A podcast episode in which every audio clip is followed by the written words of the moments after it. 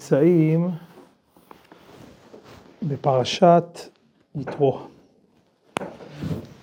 ברוך השם, אנחנו כל הזמן ככה מתקדמים לנו. ו...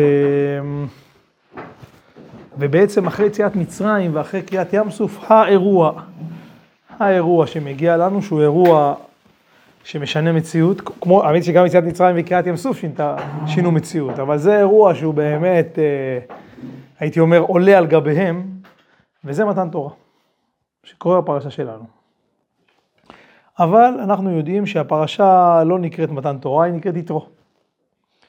וכבר דיברנו על זה בכמה וריאציות, שבעצם אה, המפגש עם יתרו מכין אותנו למתן תורה. ואני רוצה לספר לכם, לפתוח איזשהו סיפור, סיפור מעניין. אה, רבי נחמן מברסלב אומר, אם אתה לומד תורה ואתה לא מבין, העצה הראשונה היא לנקות הלב שלך משנאה. כל שנאה ליהודי יוצרת מסך בינך ובין התורה. עם ישראל והתורה אחד הם. אם אתה לא כל כך אוהב יהודים, גם התורה לא כל כך אוהבת אותך. קודם כל זו אמירה בפני עצמה שהיא מבהילה מאוד. עוד רגע נראה את הקשר שלה לפרשה. אבל בעצם, קודם כל, יש פה איזושהי אמירה ש... שדורשת ההכנה, אחת ההכנות הנדרשות להיות עם יכולת לקבל תורה, זה חיבור. אהבה. חיבור, פה זה חיבור לעם ישראל, אהבה בין, בין אדם לחברו, וזה הסיפור על רבי פנחס מקוריץ. דרך אגב, עוד לפני הסיפור, זה, אמירה מאוד מהפכנית. כלומר, זה נראה לנו, אה, אוקיי, כמו בוא, טוב, אז, אז זה נחמד, כאילו, זה, נאהב אחד את השני, אבל זה, זה, זה נראה מאוד מהפכנית להגיד שלימוד תורה, או שמתן תורה, קשור לקשר שלנו עם האחרים. זה לא, זה לא, זה לא כאילו, צריך, מה, מה זה אומר, כאילו, מה, מה, למה? מקבל תורה, מקבל תורה. מה... אז, אז כן, אז זה קודם כל פותח לנו את המקום של איש אחד בלב אחד, כלומר יש איזושהי בחינה שהיא בהחלט, אה, היא בהחלט קשורה למקום המשותף בינינו שמאפשר את זה, אה, אבל זה קצת ייתן לנו בהמשך איזושהי הבנה כלפי התורה אה, מעבר למה שאנחנו רגילים להבין, כי זה באמת אמירה שהיא, שהיא מאוד מפתיעה, שאנחנו צריכים להיות שאם משהו פה לא פתוח לנו, אז צריכים לראות אם אנחנו מנקים, מנקים את הלב, כי איך לנקות את הלב, כנראה משהו פה, כבר לא הבנת עכשיו, אתה לומד סוגיה, משהו לא מובן, אז נסה לראות, אולי יש לך איזשהו משהו לא נקי בלב כלפי איזשהו יהודי, זה אמירה, כאילו, זה לא... וזה הסיפור על רבי פנחס מקוריץ. עוד לפני שנפגש עם הבעל שם טוב הקדוש, היה רבי פנחס קוריצר גאון עצום בנגלה ובנסתר. הוא שקד על התורה יומם ולילה. מה השתנה אצלו אחרי שחזר מהבעל שם? פתאום החלו כל מיני אנשים להימשך אליו. באו אליו לבקש ברכות או עצות, ככה שנשאר לו הרבה פחות זמן ללמוד. אחרי שנתיים של, פרע, של הפרעות כאלה, בליל סליחות הראשון שלפני ראש שנה, עמד רבי פנחס מול ארון הקודש ואמר ריבונו של עולם, גלוי וידוע לפניך, כמה אני מצטער שנתמעט לימודי. הבעיה היא שאנשים אוהבים אותי ורצים אחריי כל הזמן. אנא ריבונו של עולם, בשביל שאזכה להרבות בעסק תורתך, עשה נא שישנאו אותי, שיפסיקו להיקהל עליי. שמעתם? חזק, אה? רבי שלמה מבטא את זה חריף, אבל יכולים לשמוע גם את עצמנו אומרים בצורות כאלה ואחרות דברים דומים, אבל נשאיר את זה. כתוב רצון רעב יעשה. הקדוש ברוך הוא עושה מה שצריך לבקש. ומהרגע שביקש, כך היה. אנשים התחילו לשנוא אותו ולהתרחק ממנו. אחרי סליחות אף אחד לא ניגש לברך אותו בשבוע טוב. למחרת בבוקר אחרי התפילה אף אחד לא אמר לו בוקר טוב. אף אחד לא ביקש ברכה או עצה, גם ברחוב לא עצרו אותו עוד. שמח רבי פנחס על הזמן היקר שהרוויח. בעבר לקח לו לפעמים שעתיים לציין בית הכנסת ולהגיע לביתו. אלא שדבר אחד הוא שכח בתפילתו. הוא שכח להגיד חוץ מאשתי וילדיי. נכנס רבי פנחס לביתו, ולהפתעתו ילדים רואים אותו ומתרחקים ממנו. גם אשתו מפנה לו את הגב, אבל הוא מחזיק מעמד, אחרי שכנמוד עומד אצלו מעל הכל. אמר לעצמו בהנאה, עכשיו שאפילו אשתי וילדיי מתרחקים ממני, אוכל ללמוד יומם ולילה ממש. מגיע ליל ראש שנה, אף אחד לא אומר לו גוד יום טוב, אף אחד לא מברך אותו בשנה טובה. זה קצת כואב, אבל הוא מחזיק מעמד. מגיע יום כיפור, איש לא מדבר איתו, והוא מכונס בתוך עצמו. והוא מתרגל למצב הזה, הוא שוקע כל כולו בתלמודו, ליבו מלא שמחה, הוא לא זקוק לאיש. ואז מגיע לסוכות. אתם יודעים חברים שהיו צדיקים שכשהיו אומרים אזמן לסעודתי אושפיזיני לעין, הם היו ממש רואים את האושפיזין. ורבי פנחס היה צדיק כזה. ובכן, בלילה הראשון של החג, עמד רבי פנחס בפתח הסוכה שלו ואמר, במטו מנח אברהם אושפיזי, עילאי. בבקשה ממך, אברהם אבינו, אורח עליון, אבל אף אחד לא בא. והוא המשיך, דיאת ואימי ועמך כל אשפיזה עליי, יצחק, יעקב, משה, אהרון, יוסף ודוד. ואיש לא מופיע. פתאום מרגיש הרבי פנחס כמה הוא בודד בסוכתו, הוא יוצא החוצה, ורואה את אברהם אבינו, מפנה לו את הגב. והוא מתחנן, אברהם, סבא קדוש, אנא ייכנס לסוכתי. ענה לו אברהם אבינו כשהוא ממשיך להפנות לו את הגב, האמת אומר לך רבי פנחס, אם כולם שונאים אותך, גם אני לא יכול לאהוב אותך. באותו הלילה הבין רבי פנחס מה שצריך להבין, והתפלל ששוב יאהבו אותו. זה הסיפור.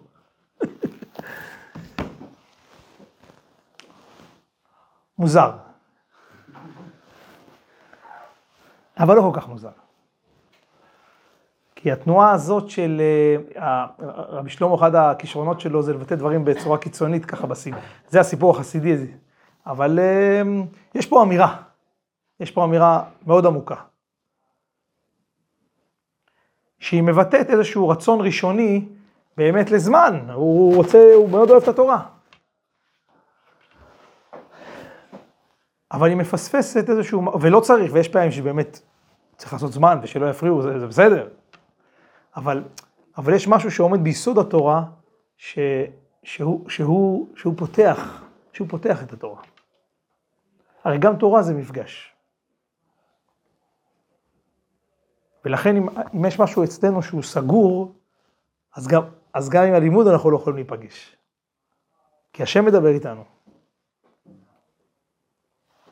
ואתם יודעים שמאז בריאת העולם,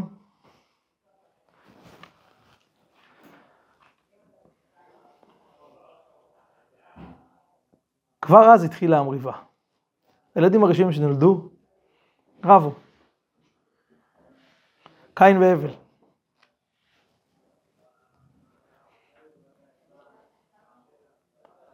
מה היה שם? מי רצה להקריב? מי, של מי הייתה העצה? קין. בסוף גם קין הביא, וגם הבל הביא. מי יותר רוחני, מי יותר חומרי? הבל רוחני, מה הוא היה? רועה צאן. רועה צאן באופן טבעי. זה אדם שהוא קצת מעל הקרקע. כי הוא כל הזמן נע ונד, הוא לא, הוא לא, לעומת זאת חקלאי, זה אדם שהוא, יש, בו, יש לו בחינה יותר חומרית. וקין היה איש אדמה. למי השם שעה? להבל. מה קין עשה? קינה. מה יכול להיות אחרת?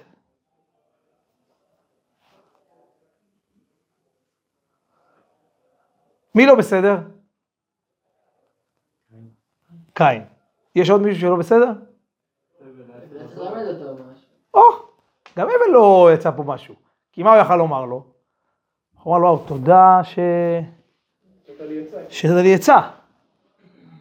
יכול להיות שהוא אמר לו, תודה שנתת לי עצה, להקריב, כי זו העצה שלך, אז קין היה יכול גם לומר לו, הרי מה קין היה צריך לומר? לא, אבל תעזור לי, איך עושים את זה? אני לא יודע איך עושים את זה. אני ניסיתי, זה לא עבד. יש פה שני חלקים. וכבר דיברנו על זה, שאתם יודעים, שמשה רבנו נשמט. איך?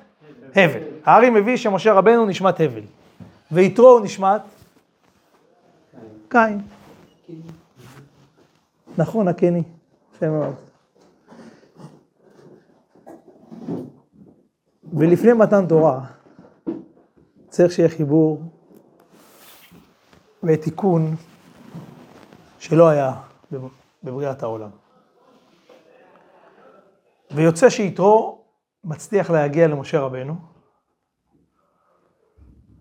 למרות שיתרו היה כהן גדול בעולם, בעולם העבודה זרה, master, אדם שעבד הרבה עבודות, והיה לו כבוד מאוד גדול אצל הגויים. הוא היה צריך לוותר על כל המקום הזה ולהגיע למשה רבנו. זה לא אמירה כזאת פשוטה. זה, זה לא פשוט בכלל. זה ויתור משמעותי מאוד על המקום שלך. כי זה לא שיתרו הוא איזשהו, איזשהו חותן שבא מהצד ו... וקרה פה משהו והוא מתרגש בשביל המשפחה, בשביל החתן שלו, איזה יופי, מה עשו לכם? ואני מאוד מעריך את זה, אני מתרגש איתך ביחד. יתרו הוא...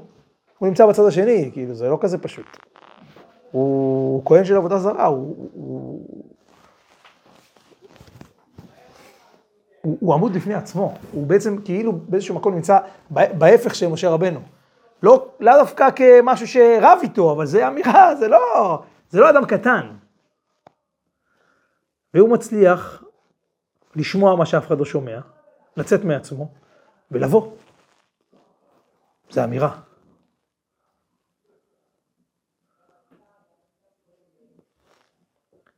מה עוד אמירה? חבר'ה, משה רבנו, איש האלוקים. חציו עולמת האש וחציו עולמה לאלוקים. כל הכבוד, לח, כל הכבוד לחותן היקר שלו, שנותן עצות. בוא, כאילו, אתמול הגעת, כן? שב, תלמד כמה שנים לדבר, מה? כמו שיבוא לכם איזשהו, אה, מישהו ככה, בא לראות הישיבה, מגיע לאיזשהו בחור בשיעור אה, זין, כבר למד איזה, נותן לו איזה, בוא, רגע, אחי, עוד לא למדת איך לומדים, מה אתה מדבר? כאילו, בוא נסדר את הסטטוס, כאילו. ומשה רבנו, שומע? לא ניכנס כרגע ל, ל, ל, למה היה החידוש, מה המשמעות בעצה, אני לא רוצה להיכנס לסיפור הזה כרגע, שזה סיפור בפני עצמו, מה משה רבנו חשב קודם, מה חשב אחר מכן, לא, איך העצה הזאת שינתה את כל ה... אבל דיברנו על זה בפעם אחרת, אבל משה רבנו שומע. משה רבנו שומע. לא נכון. מאיזה בחינה הוא לא סתם מישהו? לא, בזה שהוא עבד את כל העבודות זרות בעולם ועובד כזה דבר, כאילו כמו כזה בעל תשובה כזה פסיכי. נכון, אבל, אבל זה נכון שהוא לא סתם מישהו, ועדיין הוא בא מבחוץ.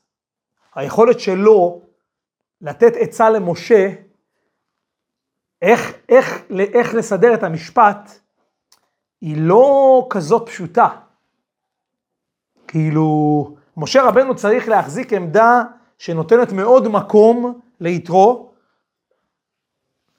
כדי לשמוע את העצה, עוד פעם, זה, הוא נותן לו את זה אחרי יום, כאילו זה לא, זה לא כזה פשוט, זה, זה אמירה והוא מקבל את העצה, הוא משנה את כל סדרי, ה, כל סדרי ההתנהלות.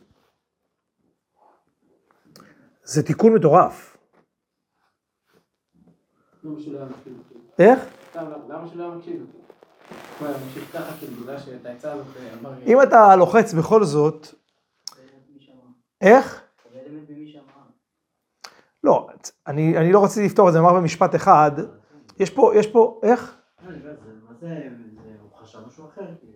העצה פה היא לא טכנית, הרי יש פה, יש פה הרי ויכוח מהותי, הרי מה, משה רבנו לא יודע שאפשר לחלק, למה שנקרא לפזר סמכויות, לא, לא היה אז כאילו תואר, אה, שנה א' בתואר ראשון בניהול אה, ארגון אה, זה, מה, זה, זה לא כזה, לא צריך, לא צריך גאונות. נופל עליך זה, תחלק את הסמכויות, זה יעשה כך, זה, זה דבר פשוט מאוד, כל אדם מבין את זה. אלא מה? אלא מה? ברור, שרבנו התעקש על זה, שדבר השם יהיה נקי לגמרי. הוא לא היה מוכן שזה ירד דרך מישהו אחר, כי אז משהו שם מתפספס במסר.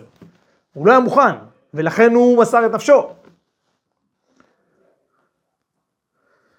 אז אפשר להגיד שיתרו רק הציע לו איזושהי עצה טכנית, שמע, למרות זאת זה לא יעבוד, ואפשר להגיד שיצרו גם אמר לו משהו מעבר לזה.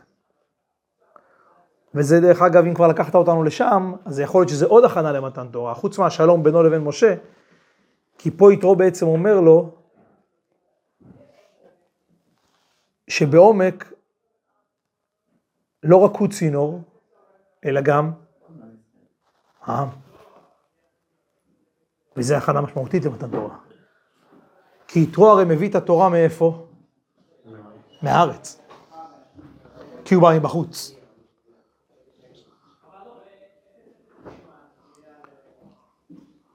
הוא בחינת, ביחס למשה רבנו, בהקשר הזה הוא יהיה בחינת הנקבה כביכול, כאילו מי שמביא את הארץ. משה רבנו הביא את התורה מהשמיים, יתרו מביא אותה כאילו מהארץ, מהעצה מבחוץ, מהמקום שהוא כאילו לא... וישמע יתרו, יכולת לשמוע, להקשיב. דרך אגב, זה התהפך במעמד של הר גריזים והר עיבל, כן? ששם התורה לא תהיה בשמיים והעם יהיה בארץ, אלא התורה תהיה בארץ, וה... נכון? הרי הכהנים איפה עמדו?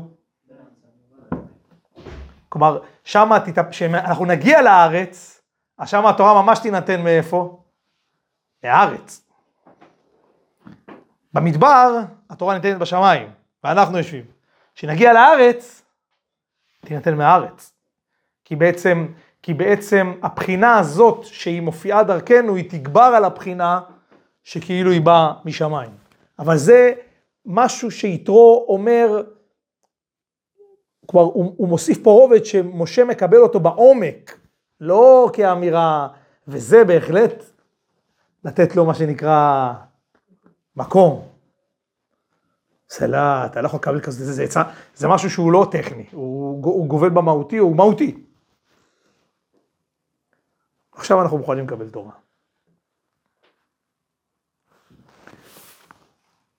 זו הכנה.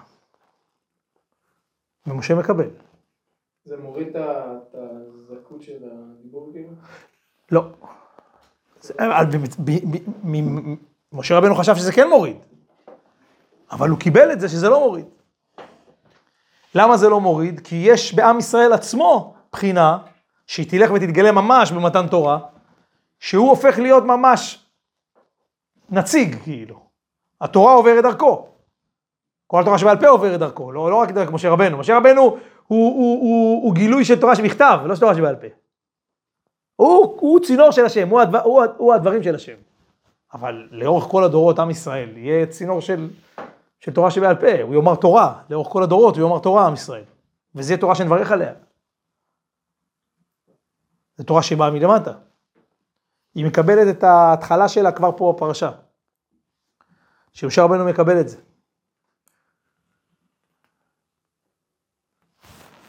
לכן הוא אומר, דיברנו על זה כבר פעם שעברה, אני לא רוצה שוב, אני אומר, אבל לכן, לכן, מה יתרו אומר לו? יתרו אומר לו,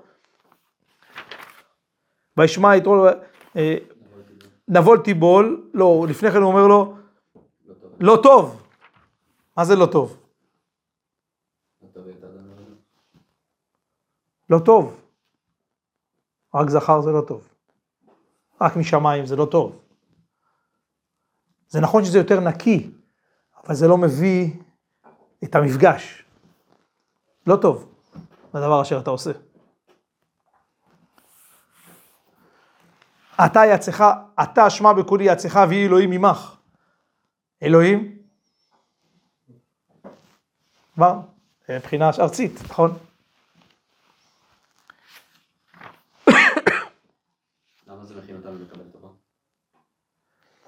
כי ברגע שקיימת הבנה שבעצם אנחנו, מה זה המשמעות של מתן תורה? מה קרה במתן תורה? מה קרה במתן תורה? מה? של מקדשים את החול, מקדשים את הארץ. זה החיבור ביניהם. התורה ירדה לארץ. מה זה, לאן היא ירדה אבל? לכל עם ישראל. אוקיי. מה זה אומר שהתורה, מה זה התורה? תורה זה קודש, זה כאילו השם. זה דבר השם. על נפשי כתביתי אבית, זה דבר השם. זה רצון השם. שהיא יורדת לעם ישראל, מה המשמעות של זה? זה. לא צינור. זה.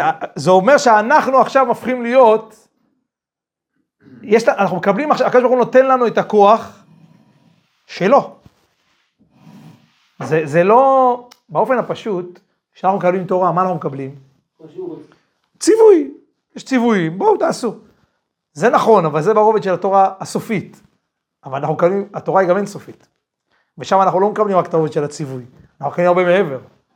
אנחנו מקבלים את הרצון השם, להיות עם הכוח הזה, זה, זה, זה, זה לא רק עובר דרכנו, זה ניתן לנו. זה מהפכני מאוד. אם עד היום עם ישראל היה נפעל, פתאום הוא קיבל את הכוח להיות פועל, הוא פועל. מאז מתן תורה, עם ישראל הוא עם שבעצם קיבל מהקדוש ברוך הוא את, המוש... את הזה, את המפתחות, והוא עכשיו אה, יוצא לדרך, הוא מנהל את העולם. כאילו, כאילו, הוא אומר להשם מה הוא רוצה, כאילו. הוא, הוא יותר מה אומר להשם מה הוא רוצה. כן, הוא, אומר- הוא, הוא כאילו קובע להשם כביכול, כביכול, אבל, אבל זה, זה הכוח שקיבלנו. זה, מה? כן, לא כביכול. כי זה הכוח שאנחנו לא נתן לנו, הוא נתן לנו את זה. המשמעות של תורה היא הרבה מעבר למה שאנחנו רואים ב... אנחנו קיבלנו ממש, קיבלנו ממש, בתורה יש הרבה רבדים. אנחנו עוד פעם, אנחנו פוגשים אותה כתוכן, כמצוות, כמסר, אבל היא, הרבה מעבר לזה. זה כאילו, הקדוש ברוך הוא נתן לנו את עצמו, אם אפשר להגיד את זה ככה. זה דבר, זה דבר, זה לא נתפס כל כך, אבל זה מה שקיבלנו. ועם זה אנחנו הולכים.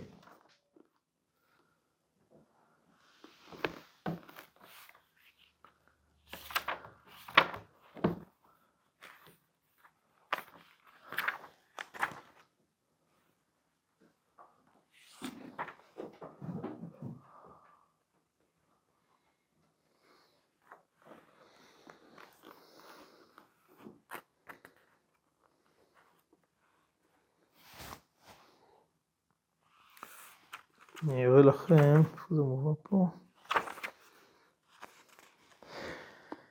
רבי נחמן בליקוטי מוהר"ן כותב כי קודם מתן תורה היה הממשלה ביד השם יתברך ואחר מתן תורה נתן הממשלה ליד כל ישראל. מתאים לרבי נחמן, אה? כל אחד לפי בחינתו, כי אותיות התורה הם התלבשות רצונו של השם יתברך, כי רצונו של השם יתברך שהמצוות יהיו כך. למשל מצוות תפילין, היה רצונו שיהיה ארבע פרשיות ובתים של אור ולא של כסף, כי כן רצונו. נמצא שרצונו מולבש בכל התורה, ועכשיו שהתורה מסורה בידינו, גם הרצון של השם יתברך מסור בידינו. שאנו מושלים כביכול להיות רצונו כפי רצוננו, וזה בחינת ישראל פעם שאלותיו. אנחנו, ישראל, מי, מי הממשלה? ישראל ממשלותיו. בעייתי. הזוי. וזה שדרשו רבותינו זיכרונם לברכה, רבות עשית אתה השם אלוהי, קודם מתן תורה, ואחר מתן תורה נפלאותיך ומחשבותיך אלינו, היינו שהכל בידינו. וזהו אנוכי השם אלוהיך מלך מארץ מצרים. היינו קודם מתן תורה היה הכל אנוכי. ואחר מתן תורה החרב פיך ועמלאו. כלומר, באמת, אה, אה, זה באמת הזוי, אבל, אבל, אבל זה לא כל כך הזוי. בהיסטוריה ככה אתה יכול לראות שבאמת... אה,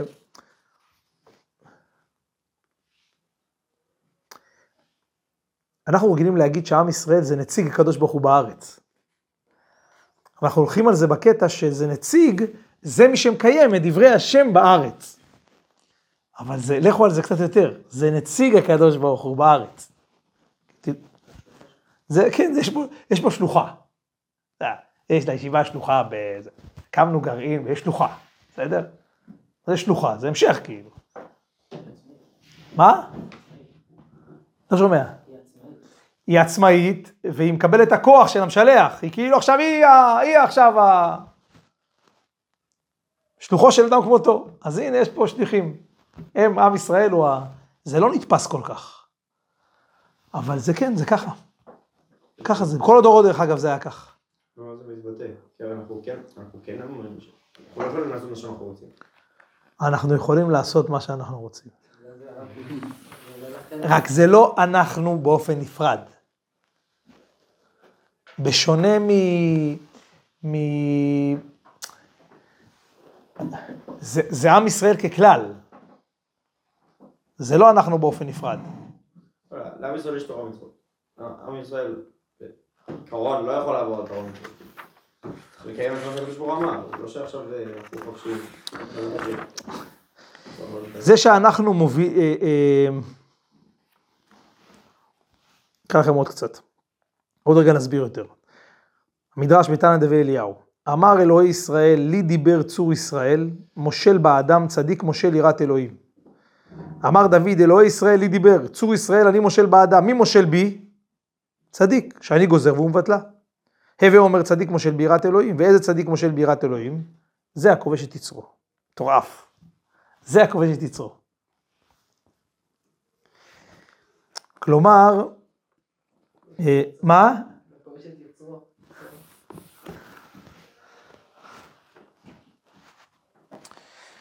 הכוח שאנחנו מקבלים בנתינת התורה, קודם כל שתבינו קצת לאן, לאן זה הולך. לפני, ה, לפני ההבנה הראשונית שכאילו, רגע, אז מה, אז אנחנו נחליט מה שאנחנו רוצים וזה מה שיקרה? לפני כן קצת. קודם כל, עד נתינת תורה, העולם הוא עולם פגאני, עבודת אלילים. גם אחרי, אבל ודאי לפני, אין, אין שום דבר אחר. מי מנהל אותו? אני כבר איתכם. מי מנהל אותו? מי מנהל את העולם? לא! עולם פגאני, עולם עבודת אלילים, מי מנהל אותו? אלילים, אלילים. אף אחד לא חשב שהוא מנהל אותו. גם פרעה, הוא חשב שהוא מנהל אותו כי מה הוא היה? אליל. כלומר העולם מתנהל אלילים. כוחות טבע, יש הרבה אלילים, הרבה סוגי אלילים, לכן לפרעה לקח זמן להבין שהסיפור שלנו הוא לא סיפור של עוד אל. הוא היה ברור לו שיש פה עוד אל, ובסדר, בואו נראה. בסדר, בוא, יש לו כמה כוחות, בסדר, אנחנו, אנחנו גם מכירים את הסיפור. הוא פתאום רואה שזה לא אל, זה לא מתבטא רק בדם, זה לא רק בצפר, הוא פתאום רואה שהאל הזה, זה לא איזשהו עוד אל. זה, זה, זה, זה מה שלוקח זמן לפרעה להבין. והקדוש ברוך הוא בכוונה עושה את זה בתהליך, כי זה היה עולם שלם שחי לפי תפיסות שיש פה כוחות שמנהלים את המציאות. ש, שעם ישראל בעצם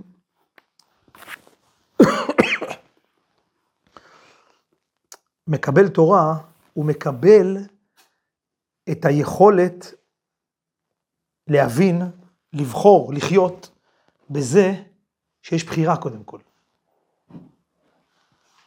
שזה כבר משהו, הופך את העולם לגמרי. כלומר, עד שיש אלים, מי מחליט? האלים מחליטים, אתה יכול רק לרצות אותם. אם אתה אומר לי, ואתה, אם שמוע תשמעו בקולי, מה זה כבר אומר?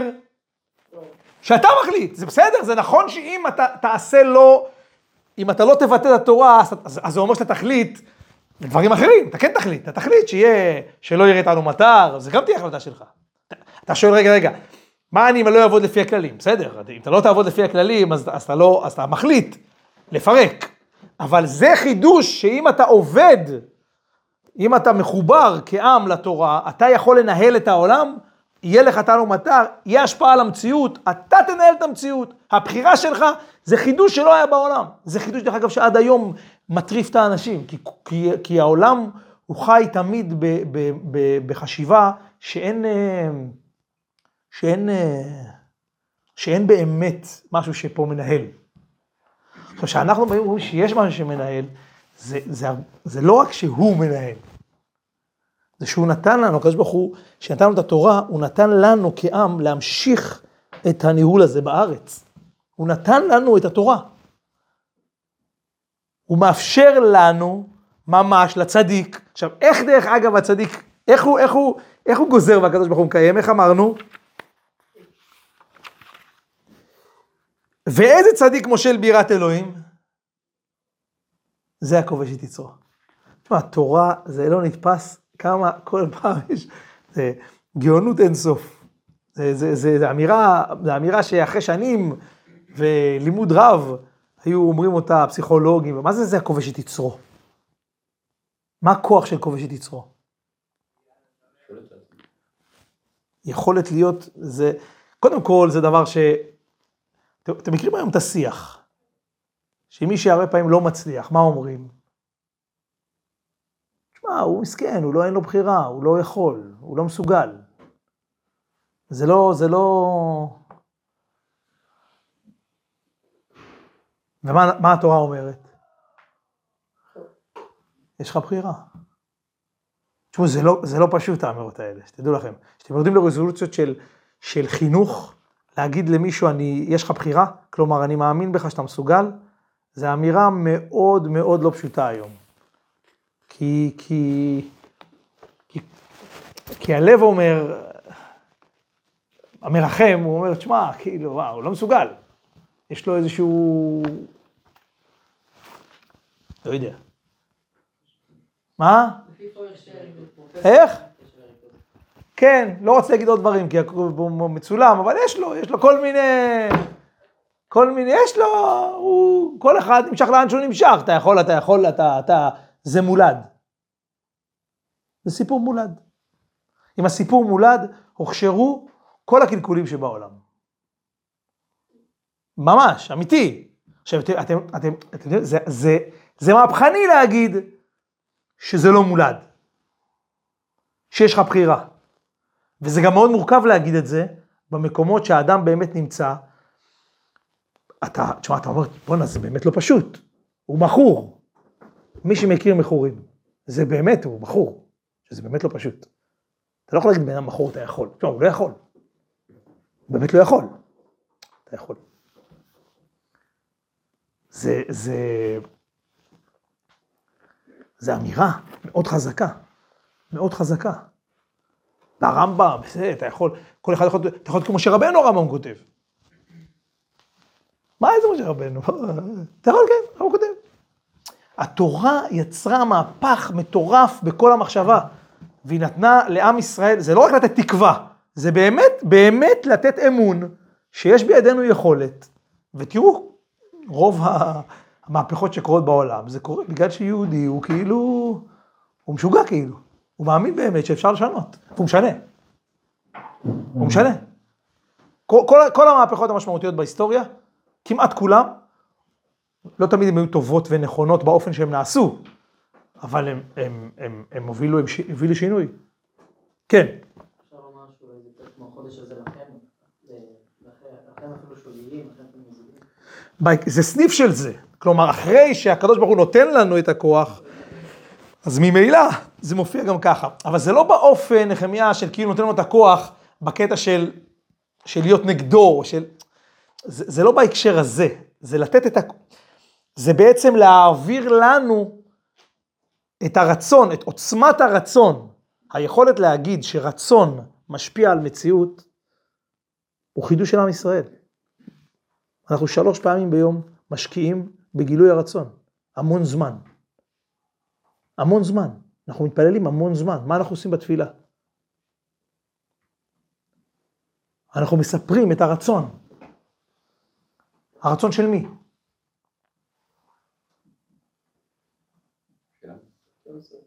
שלנו, של עם ישראל, ובאיזשהו מובן אנחנו אומרים לקדוש ברוך הוא שזה בעצם הרצון שלו. שם כאילו שרבים בתפילה. כן, כן. אבל, אבל זה, אבל זה מה שאנחנו עושים בתפילה. ובחינה הזאת, הינו ויוסף הוא השליט, אני איתך כבר, אה, להורות שכלי השפע, היינו הפה של הצדיק, והוא מלא מאלוהות של השם יתברך, כי לכאורה קשה, למה אנחנו עושים לתפילה? והשם יתברך יודע מחשבות. אבל מחמת שהדיבור הוא כלי השפע, ובהן מקבלים השפע, כמו שכתוב, יברך אתכם כאשר דיבר לכם, היינו לפי הדיבור כן השפע, אם הדיבור אינו הכלי, השפע הוא בשלמות ובמלואה, אזי יכולים לקבל במרב שפע, והדיבורים של הצדיק בוודאי הוא בשלמות ובמלואה, לכן יכול להמשיך השפע לישראל. זה המשמעות של תפילה, וזהו בחינת מעלת הביטחון, כי הביטחון הוא בחינת הסתכלות שמסתכל וצופה בעיניו להשם יתברך לבד, הוא בוטח בו, בבחינת עיני כל אליך יסברו. כי ידי הסתכלות בביטחון גם כן עושה כלי, דהיינו גבול וזמן, כי ההשפעה יורדת מלמעלה תמיד, אך שהיא בלא זמן, כי לפעמים דבר שצריך לו עכשיו, יבוא בשתיים או שלוש שנים, אך על ידי הסתכלות בביטחון, עושה להשפעה גבול וזמן, שתבוא השפע בעת וזמן שהוא צריך, וזה כה עיניך יסברו, אותו דבר. פירוש בהסתכלותו בעיניו להשם יתברך, דהיינו מבחינת ביטחון, מבחינת עיני כל אליך יסברו, על ידי זה אתה נותן להם את אוכלם בעיתו, בעיתו דייקה, דהיינו בעת ובזמן שהוא צריך, כי הביטחון שהוא מבחינת הסתכלות עושה כלי וגבול וזמן. כל הסיפור של התפילה קשור להמשכת רצון השם האינסופי לתוך העולם הסופי שאנחנו חיים בו. וזה קשור, וזה, אותה בחינה קורית בהקשר של התורה. קיבלנו, עם ישראל קיבל את היכולת להופיע רצון במציאות. זה מהפך שהוא, שהוא, שהוא לא, הוא לא כל כך נתפס בעיניי, כאילו גם היום הוא לא נתפס, אני חושב שאם היינו תופסים אותו, לא יודע, לא היינו, לא היינו יכולים לרגע כאילו לשחרר את התורה. זה, זה לא נתפס, כאילו, הכוח שיש לנו. טוב, זה, זה... אבל מה זה צדיק? צדיק שהוא הוא, הוא מאמין בזה, והוא שמה. והוא לכן הוא, לכן הוא באמת, צדיק זה בעצם אדם, בהקשר של מה שאמרנו, שהמדרש אמר, שמה הוא? כובש תצרו. בהקשר שלנו זה אומר, שזה בעצם אדם שמאמין שיש כוח למה? לרצון. איך אתה יכול לכבוש את יצרך? איך אתה יכול לכבוש את יצרך? איך? תשמע, יש יצר, תעזבו, זה לא עובד, אני אומר לכם, זה לא פשוט. אתם יודעים, יש לכם לפעמים יצר? לא פשוט. לא פשוט. מי שיש לו יצר יודע, זה לא פשוט. זה לא פשוט. מה, אצל הצדיק זה פשוט? לא. אבל הוא מאמין שמה? שהרצון חזק יותר. והוא לא רוצה. והוא כובש. אז הוא מתחיל בעצם לנהל את מה? מה הוא מנהל? כלומר, הוא מנהל את מה בפועל? את ה? את המציאות. קודם כל הוא מנהל את איזה מציאות? שלו. ועם הזמן, מי שלומד ניהול, מקדמים אותו. זה לא רק חיצונית, הוא מקבל, הקדוש ברוך הוא אומר לו, וואו, אתה נראה לי עשר, בוא נעלה אותך כיתה. זה הכוח רצון, הוא עובד, על, הוא עובד, הוא עובד, אתה עובד עם זה, ואז באופן טבעי אתה עולה מדרגה. כי בהתחלה אתה מתנשא בפשוט, ברגיל, בזמנים, בהתנהלות, ולאט לאט הכוח רצון גדל. כי פתאום אתה רוצה לתת לאחרים. ואז, רגע, אם אתה רוצה לתת לאחרים, זה דורש ממך. אז אתה צריך... תחשבו עם איזה כוח רצון היה צריך אה, פה ישיבה להתמודד בהקמת... אה. כוח רצון, גדול מאוד. ולהבדיל, תחשבו עם איזה כוח רצון היה צריך בן גוריון להקים את המדינה. מהבחינה הזאת הוא קיבל, הוא קיבל, הוא, הוא, הוא, היה, הוא גילה בחינת צדיק, זה לא היה שלו בכלל, זה היה שלו, אבל לא שלו ברמה הפרטית. אולי הלך על זה. אמר הקדוש ברוך הוא אנחנו מקימים. קיבל חותמת. לא כזה פשוט. זה לא מובן מאליו. זה יכול להיות, אה, אבל זו הייתה רוח השם שהתגלתה שם. והוא היה צריך, התגלתה במציאות, בתוך אדם. שהיה צריך להתרומם, להבין את רוח העם, ולהבין שאין, זה הזמן, ולהניע את כולם קדימה, ולהגיד, זה הזמן, ולקחת את כל המשמעויות של זה. זה עם ישראל. וצדיקים היו לנו בכל הדורות. העם הזה זה עם פלא, יש מועלי צדיקים. זה עם של צדיקים. ועמך כולם צדיקים. באמת זה עם של צדיקים, זה לא בדיחה. יש, יש, הכמות של צדיקים, זה לא רק יש פה, יש לנו כמות של מקבלי פרסי נובל, יש לנו גם כמות של צדיקים. גדולה מאוד ביחס לאוכלוסייה לצורך העניין. חוץ מזה שכל אחד בעם ישראל הוא צדיק, באמת יש כמות של צדיק, מה זה צדיק בהקשר שלנו? יש כמות גדולה של אנשים שמצליחים לכבוש את יצרם, מצליחים לתת מקום לרצון ולא למציאות לנהל אותם. זה עם שהוא מאוד מאוד מאוד מחובר לרצון. והוא מצליח משם לנהל עולם. ולכן גם המערכות שלו הן לא כאלה פשוטות. איך? יש גם, בוודאי. חסידי אומות העולם, יש תמיד. אבל בעם ישראל זה, זה מה שנקרא... לא, לא רק מולד וגנטי, זה כאילו מצבור, גם באופן הפשוט, זה כאילו מצבור של... אה, לא, תמיד אומרים יש מה שנקרא, אתה יודע, יש את הבסיס אם כאילו. זה כאן. אבל ניהול העולם על ידי האדם זה הנהגה אחת. ברור שיש את הנהגת הייחוד שהיא כאילו... היא לא סופרת אותנו. נעשה, לא נעשה, מה שלא יקרה, נשאר כל היום. אחרי הכל העולם מתקדם, השם יוביל אותו למציאות שלו. כמה שאנחנו כאילו מאוד מתקדמים, עושים, פועלים, דרכנו. אז לא, אפילו לא נכון, דרכנו. יש הנהגה אחת, שזה דרכנו. אני חושב שיש הנהגה אחת שהיא לא קשורה אלינו. גם אם לא נעשה כלום, אז... אה, כן ולא, כי כן, כלומר, יש הנהגה שהיא כאילו לא קשורה, היא לא מתנהלת לפי המעשים. היא לא והיה עם שמוע, ודאי. מצד שני, היא לא תהיה מנותקת, כלומר, היא תמיד תעבור דרכנו. זה, זה, זה משהו שאנחנו נגיב אליו, הוא לא יהיה, הוא לא יהיה בלי הקשר. כלומר, גם, גם שהקדוש ברוך הוא פועל עלינו, ויש הנהגה שהיא כאילו לא מתייחסת לרגע למעשה, היא, היא מתכתבת, אתה רואה, המציאות שאנחנו חיים בה, היא לא לא מתכתבת עם העולם. כלומר, הקדוש ברוך הוא יכול לנהל את מה שהוא אוהב, אבל יש, יש דו-שיח שם, יש, יש אירוע שקורה, ויש מי שמגיב לו. אז יכול להיות שאם התגובה לא תהיה, או כן תהיה, או תהיה באופן כזה או אחר, אז בכל מקרה צריך להנהיג את העולם לאנשהו, אז... אבל עדיין, זה לא מנותק הקשר. כלומר, העם הזה נושא גם את הנהגת הייחוד, הוא נושא אותה, היא תעבור דרכו, היא לא תהיה בלי הקשר. לא ינחת פה פתאום ביום בהיר בית מקדש בלי כל קשר לכלום. לא יכול לקרות. כי כל רצון השם, בפרט בגאולה הזאת, שלא יידח ממנו נידח. אז יהיה חייב לעבור דרכנו. אנחנו נהיה חלק מהמשחק בכל מקרה. אתה בא ואומר, תקשיב, יש פה ניהול משותף. לצורך העניין, זה כמו זוג נשוי, שאם היינו עד מתן תורה עבד או בן, עכשיו אנחנו סוג של ראיה. עכשיו, תשמע, הבעל יכול לפנק, להשפיע, ללכת, להוביל, לזה, אבל בסוף הוא צריך לקנות אותה, אם לא, היא לא תבוא איתו כאילו. עכשיו, הוא יכול לעשות את זה בכוח, אבל זה לא הרצון. הרצון הוא שהיא תבוא איתו, זה, זה כל הרצון. שכל כולה תבוא איתו גם, שלא ידח ממנו נידח. כי אם זה, אם זה חלקים, הוא רוצה לגאול רק את הראש, רק את הלב, אז אפשר אולי, לג... אבל הוא רוצה את כל, ממש, את כל כנסת ישראל, זה וואלה, זה... עכשיו, זה נכון שבאופן הזה התעוררו כל מיני דברים, כמו שקוראים לנו, שאנחנו רואים שכאילו בעיניים אנחנו לא... אבל בעומק גם הנהגת הייחוד היא לא מנותקת מאיתנו. אין מעשה שה... שבקשר זוגי כמעט, שהבעל יעשה שהוא בשום הקשר, אה, כאילו זה לא... כאילו זה בא מאיזשהו עולם אחר, אין כזה דבר. זה תמיד, זה תמיד דו-שיח כאילו ביניהם.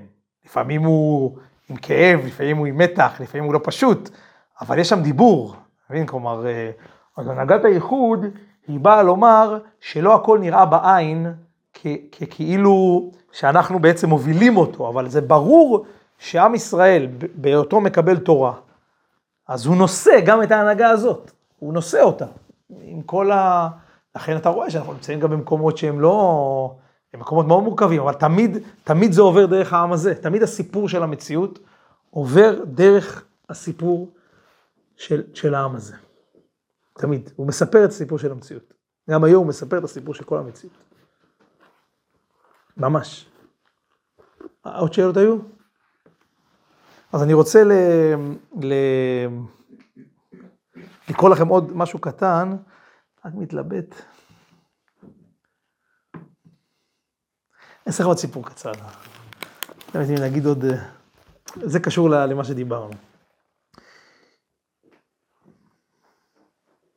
כי נשיאת התורה היא, היא, היא לא רק ברובד הזה שאנחנו קיבלנו את רצון השם ויש לנו את הכוח.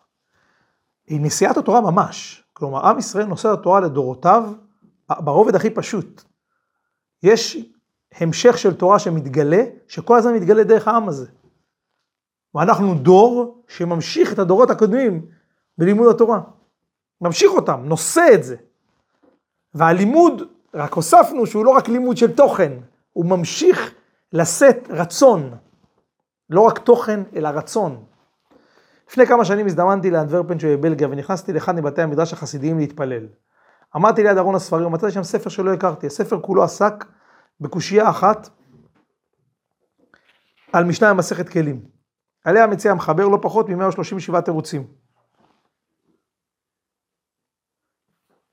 התחלתי לעיין בספר המופלא הזה, ועמדתי נדהם מול עומק למדנותו של המחבר, תלמיד חכם שאת שמו מעולם לא שמעתי. אמרתי לעצמי, מן השמיים יצא לי לפתוח את הספר הקדוש הזה. לא אניח אותו עד שאלמד בו מעט, ואנסה לזכור את הקושייה וכמה מן התירוצים. תוך כדי שאני מעיין בספר, ניגש אליי אחד מתפעלים ואומר, דע לך, שאני הוא אחיינו של מחבר הספר שאתה מחזיק ביד. יהי זכרו של דודי הקדוש ברוך. השם ייקום דמו. אני הוצאתי את הספר הזה לאור, בינתיים הדפסתי ממנו רק כמאה עותקים. המשיך וסיפר אותו יהודי, דודי היה חסיד קוז'ניץ והתגורר בקרקוב. הוא היה אחד מגדולי העשירים בעיר, ועם זה עובד השם גדול ולמדם מופלג. כשנחתה עלינו השואה הנוראה, ואני עודנו נער, נלקחתי לאושוויץ, שם פגשתי את דודי, יחד עבדנו וסבלנו במחנה במשך קרוב לשלוש שנים. בסוף, אזלו כוחותיו של דודי, והוא חלה מאוד. לילה אחד העיר אותי משנתי, ואמר לי, יש לי הרגשה שמחר ייקחו אותי לתאי הגזים. ורק אתה תישאר בחיים מכל המשפחה. לכן אני רוצה למסור לך את צוואתי. כידוע לך, השם זיכה אותי להיות בקיא בכל הש"ס, בבלי וירושלמי על פה. אמרתי לך שיש לנו צדיקים. ואני נשבע לך, מהרגע שהגעתי לכאן לא הפסקתי ללמוד. אני חוזר כל הזמן על הש"ס לפי הסדר. היום התחלתי מסכת מועד קטן, ואני מהיר שעד מחר אגיע לדף ז'. אני מבקש ממך, אם תצא מכאן חי, בעזרת השם, אנא סיים את המסכת בשבילי. כמה יש פה. המשכת תורה, זה לא ריבוען. נורא ונשגב. כשאני נזכר בסיפור הזה, עובר בי רטט עד עמקי נשמתי. אתם מבינים ידידים, התורה שייכת לעם ישראל בכל הדורות. היא נמסרת מדור, נמסרת מדור לדור, מחברת דור לדור. מי יודע, אולי בזכות אהבתו של הדוד, נשאר האחיין בחיים, כדי לסיים מסכת מועד קטן. תקשיבו אחים וחיות, ששת המיליונים מבקשים מאיתנו, אנא סיימו במקומנו את כל הספרים הקדושים שהתחלנו ללמוד ולא הספקנו לסיים. והצוואה הזאת מסרו גם לילדיכם אחריכם. היום אנחנו יכולים לומר שלצערנו מס ששת המיליונים נהרגו לנו עוד כמה יהודים בדרך. ויש איזושהי צוואה, יש איזושהי צוואה שהם מוסרים לנו. זו צוואה, זה להמשיך, זה להמשיך, זה להמשיך איזשהו מסר שהם נשאו. מה זה, מה זה סיים את המסכת בשבילי? מה זה המסכת? למדתי פה איזשהו תוכן מסוים, בוא, בוא תגמור את הסיפור הזה, תעשה לי וי שם. זה לא הסיפור. יש פה משהו שאני נושא, ואני מבקש ממך, אני כבר לא אוכל להמשיך לשאת אותו. תישא אותו אתה. עכשיו, אתם יודעים, השבוע בדיוק, נראה כמו שבוע שעבר, כן, חמישי כבר זה היה. אחד, מ, אחד, מ, אחד מבוגרי ישיבה נהרג לנו ב, בעזה, אלקנה ויזל. והוא השאיר מכתב, בטח קראתם, מכתב חבל על הזמן. ראש הממשלה ציטט אותו פעמיים. ו, ו, ושאלו את האימא, הייתי שם, יצא לי להיות שם, כי הוא התלמיד שלי, יצא לי להיות שם ככה, ברוך השם, לא מעט זמן, בניחום. זה... והאימא אמרה, חבר'ה, תבינו, זה לא, זה לא רק אלקנה, נהרגו פה 21 אה, חיילים. אלקנה הוא, הוא הבן שלי, אבל כולם היו מיוחדים מאוד, האימא אומרת. ואז, אה, ואז שמעתי ראובן אמר שם, הוא גם, אה, הוא אמר שבעצם מה שאלקנה כתב, הוא כתב, הוא כתב, הוא כתב מאוד מאוד יפה על, על זה שהוא, שהוא, שהוא לא מצטער, הוא כתב שגם אם יקרה לו משהו, הוא לא מצטער שהוא הלך, כי זה מה שהיה צריך לעשות. ו... ואז הרב אמר שהוא לא כתב את זה בשמו, הוא כתב את זה בשמו, אבל הוא באמת גם הקול של כל ה-21. הוא באמת, דרך אגב, ב, ב, הוא באמת היה טיפוס כזה, שכאילו היה יודע לתרגם דברים שכאילו... הוא, לפעמים יש מישהו שלא כולם יודעים להגיד, ויש מישהו שיודע להגיד, אבל הוא אומר את מה שבעצם כאילו כולם עכשיו, בהתחלה אמרתי, וואו, איזה יופי להגיד את זה. ואחרי זה אני חושב על זה, שבעצם הם לא, זה לא רק ה-21 חיילים. זה בעצם, זה בעצם האמירה של עם ישראל. הוא אמר את האמירה של עם ישראל, אנחנו מוכנים. עכשיו, בשביל זה, מי שנשאר חי, שברוך השם, זכינו להמשיך לשאת, זה אחרת לגמרי בין אם משהו הלך ונעלם, לבין אם אנחנו נושאים, אנחנו נושאים את מה שהוא, את מה שהוא משאיר לנו. אנחנו נושאים את זה, אנחנו ממשיכים לשאת את התורה, כל אחד לפי ייחודו, לפי נשמתו, לפי שאנחנו קולטים ממנו. סיים בשבילי את המסכת. ובאיזה מובן זה נותן לו חיים? יש פה הרבה רמות, ברמה פסיכולוגית יש לו משמעות, הוא ממשיך את ה... אבל יש פה... זה נותן לו חיים, כי, כי באיזשהו מובן הוא עכשיו ממשיך את החיים, הוא נושא. מה שלפני כן אולי הוא נשא איזה משהו שהוא שלו, עכשיו הוא כבר נושא משהו שלנו, הוא ממשיך תורה של דור. חוץ מזה שאנחנו רוצים שכל אחד יהיה לו חידושים, וזה בעזרת השם, יהיה לכל אחד, יהיה חידושים. אבל תחשבו על זה שאנחנו נושאים תורה של דור. קודם, אנחנו נושאים אותה. או של מישהו שעכשיו, ותורה היא לא רק כי הוא מסיים מסכת מועד קטן. כל אדם, כל נשמה היא תורה. יש לה מסר, היא באה לומר משהו. זאת חייכה, זאת הייתה חשוב לזה, כל נשמה הייתה לה, היה לה גילוי.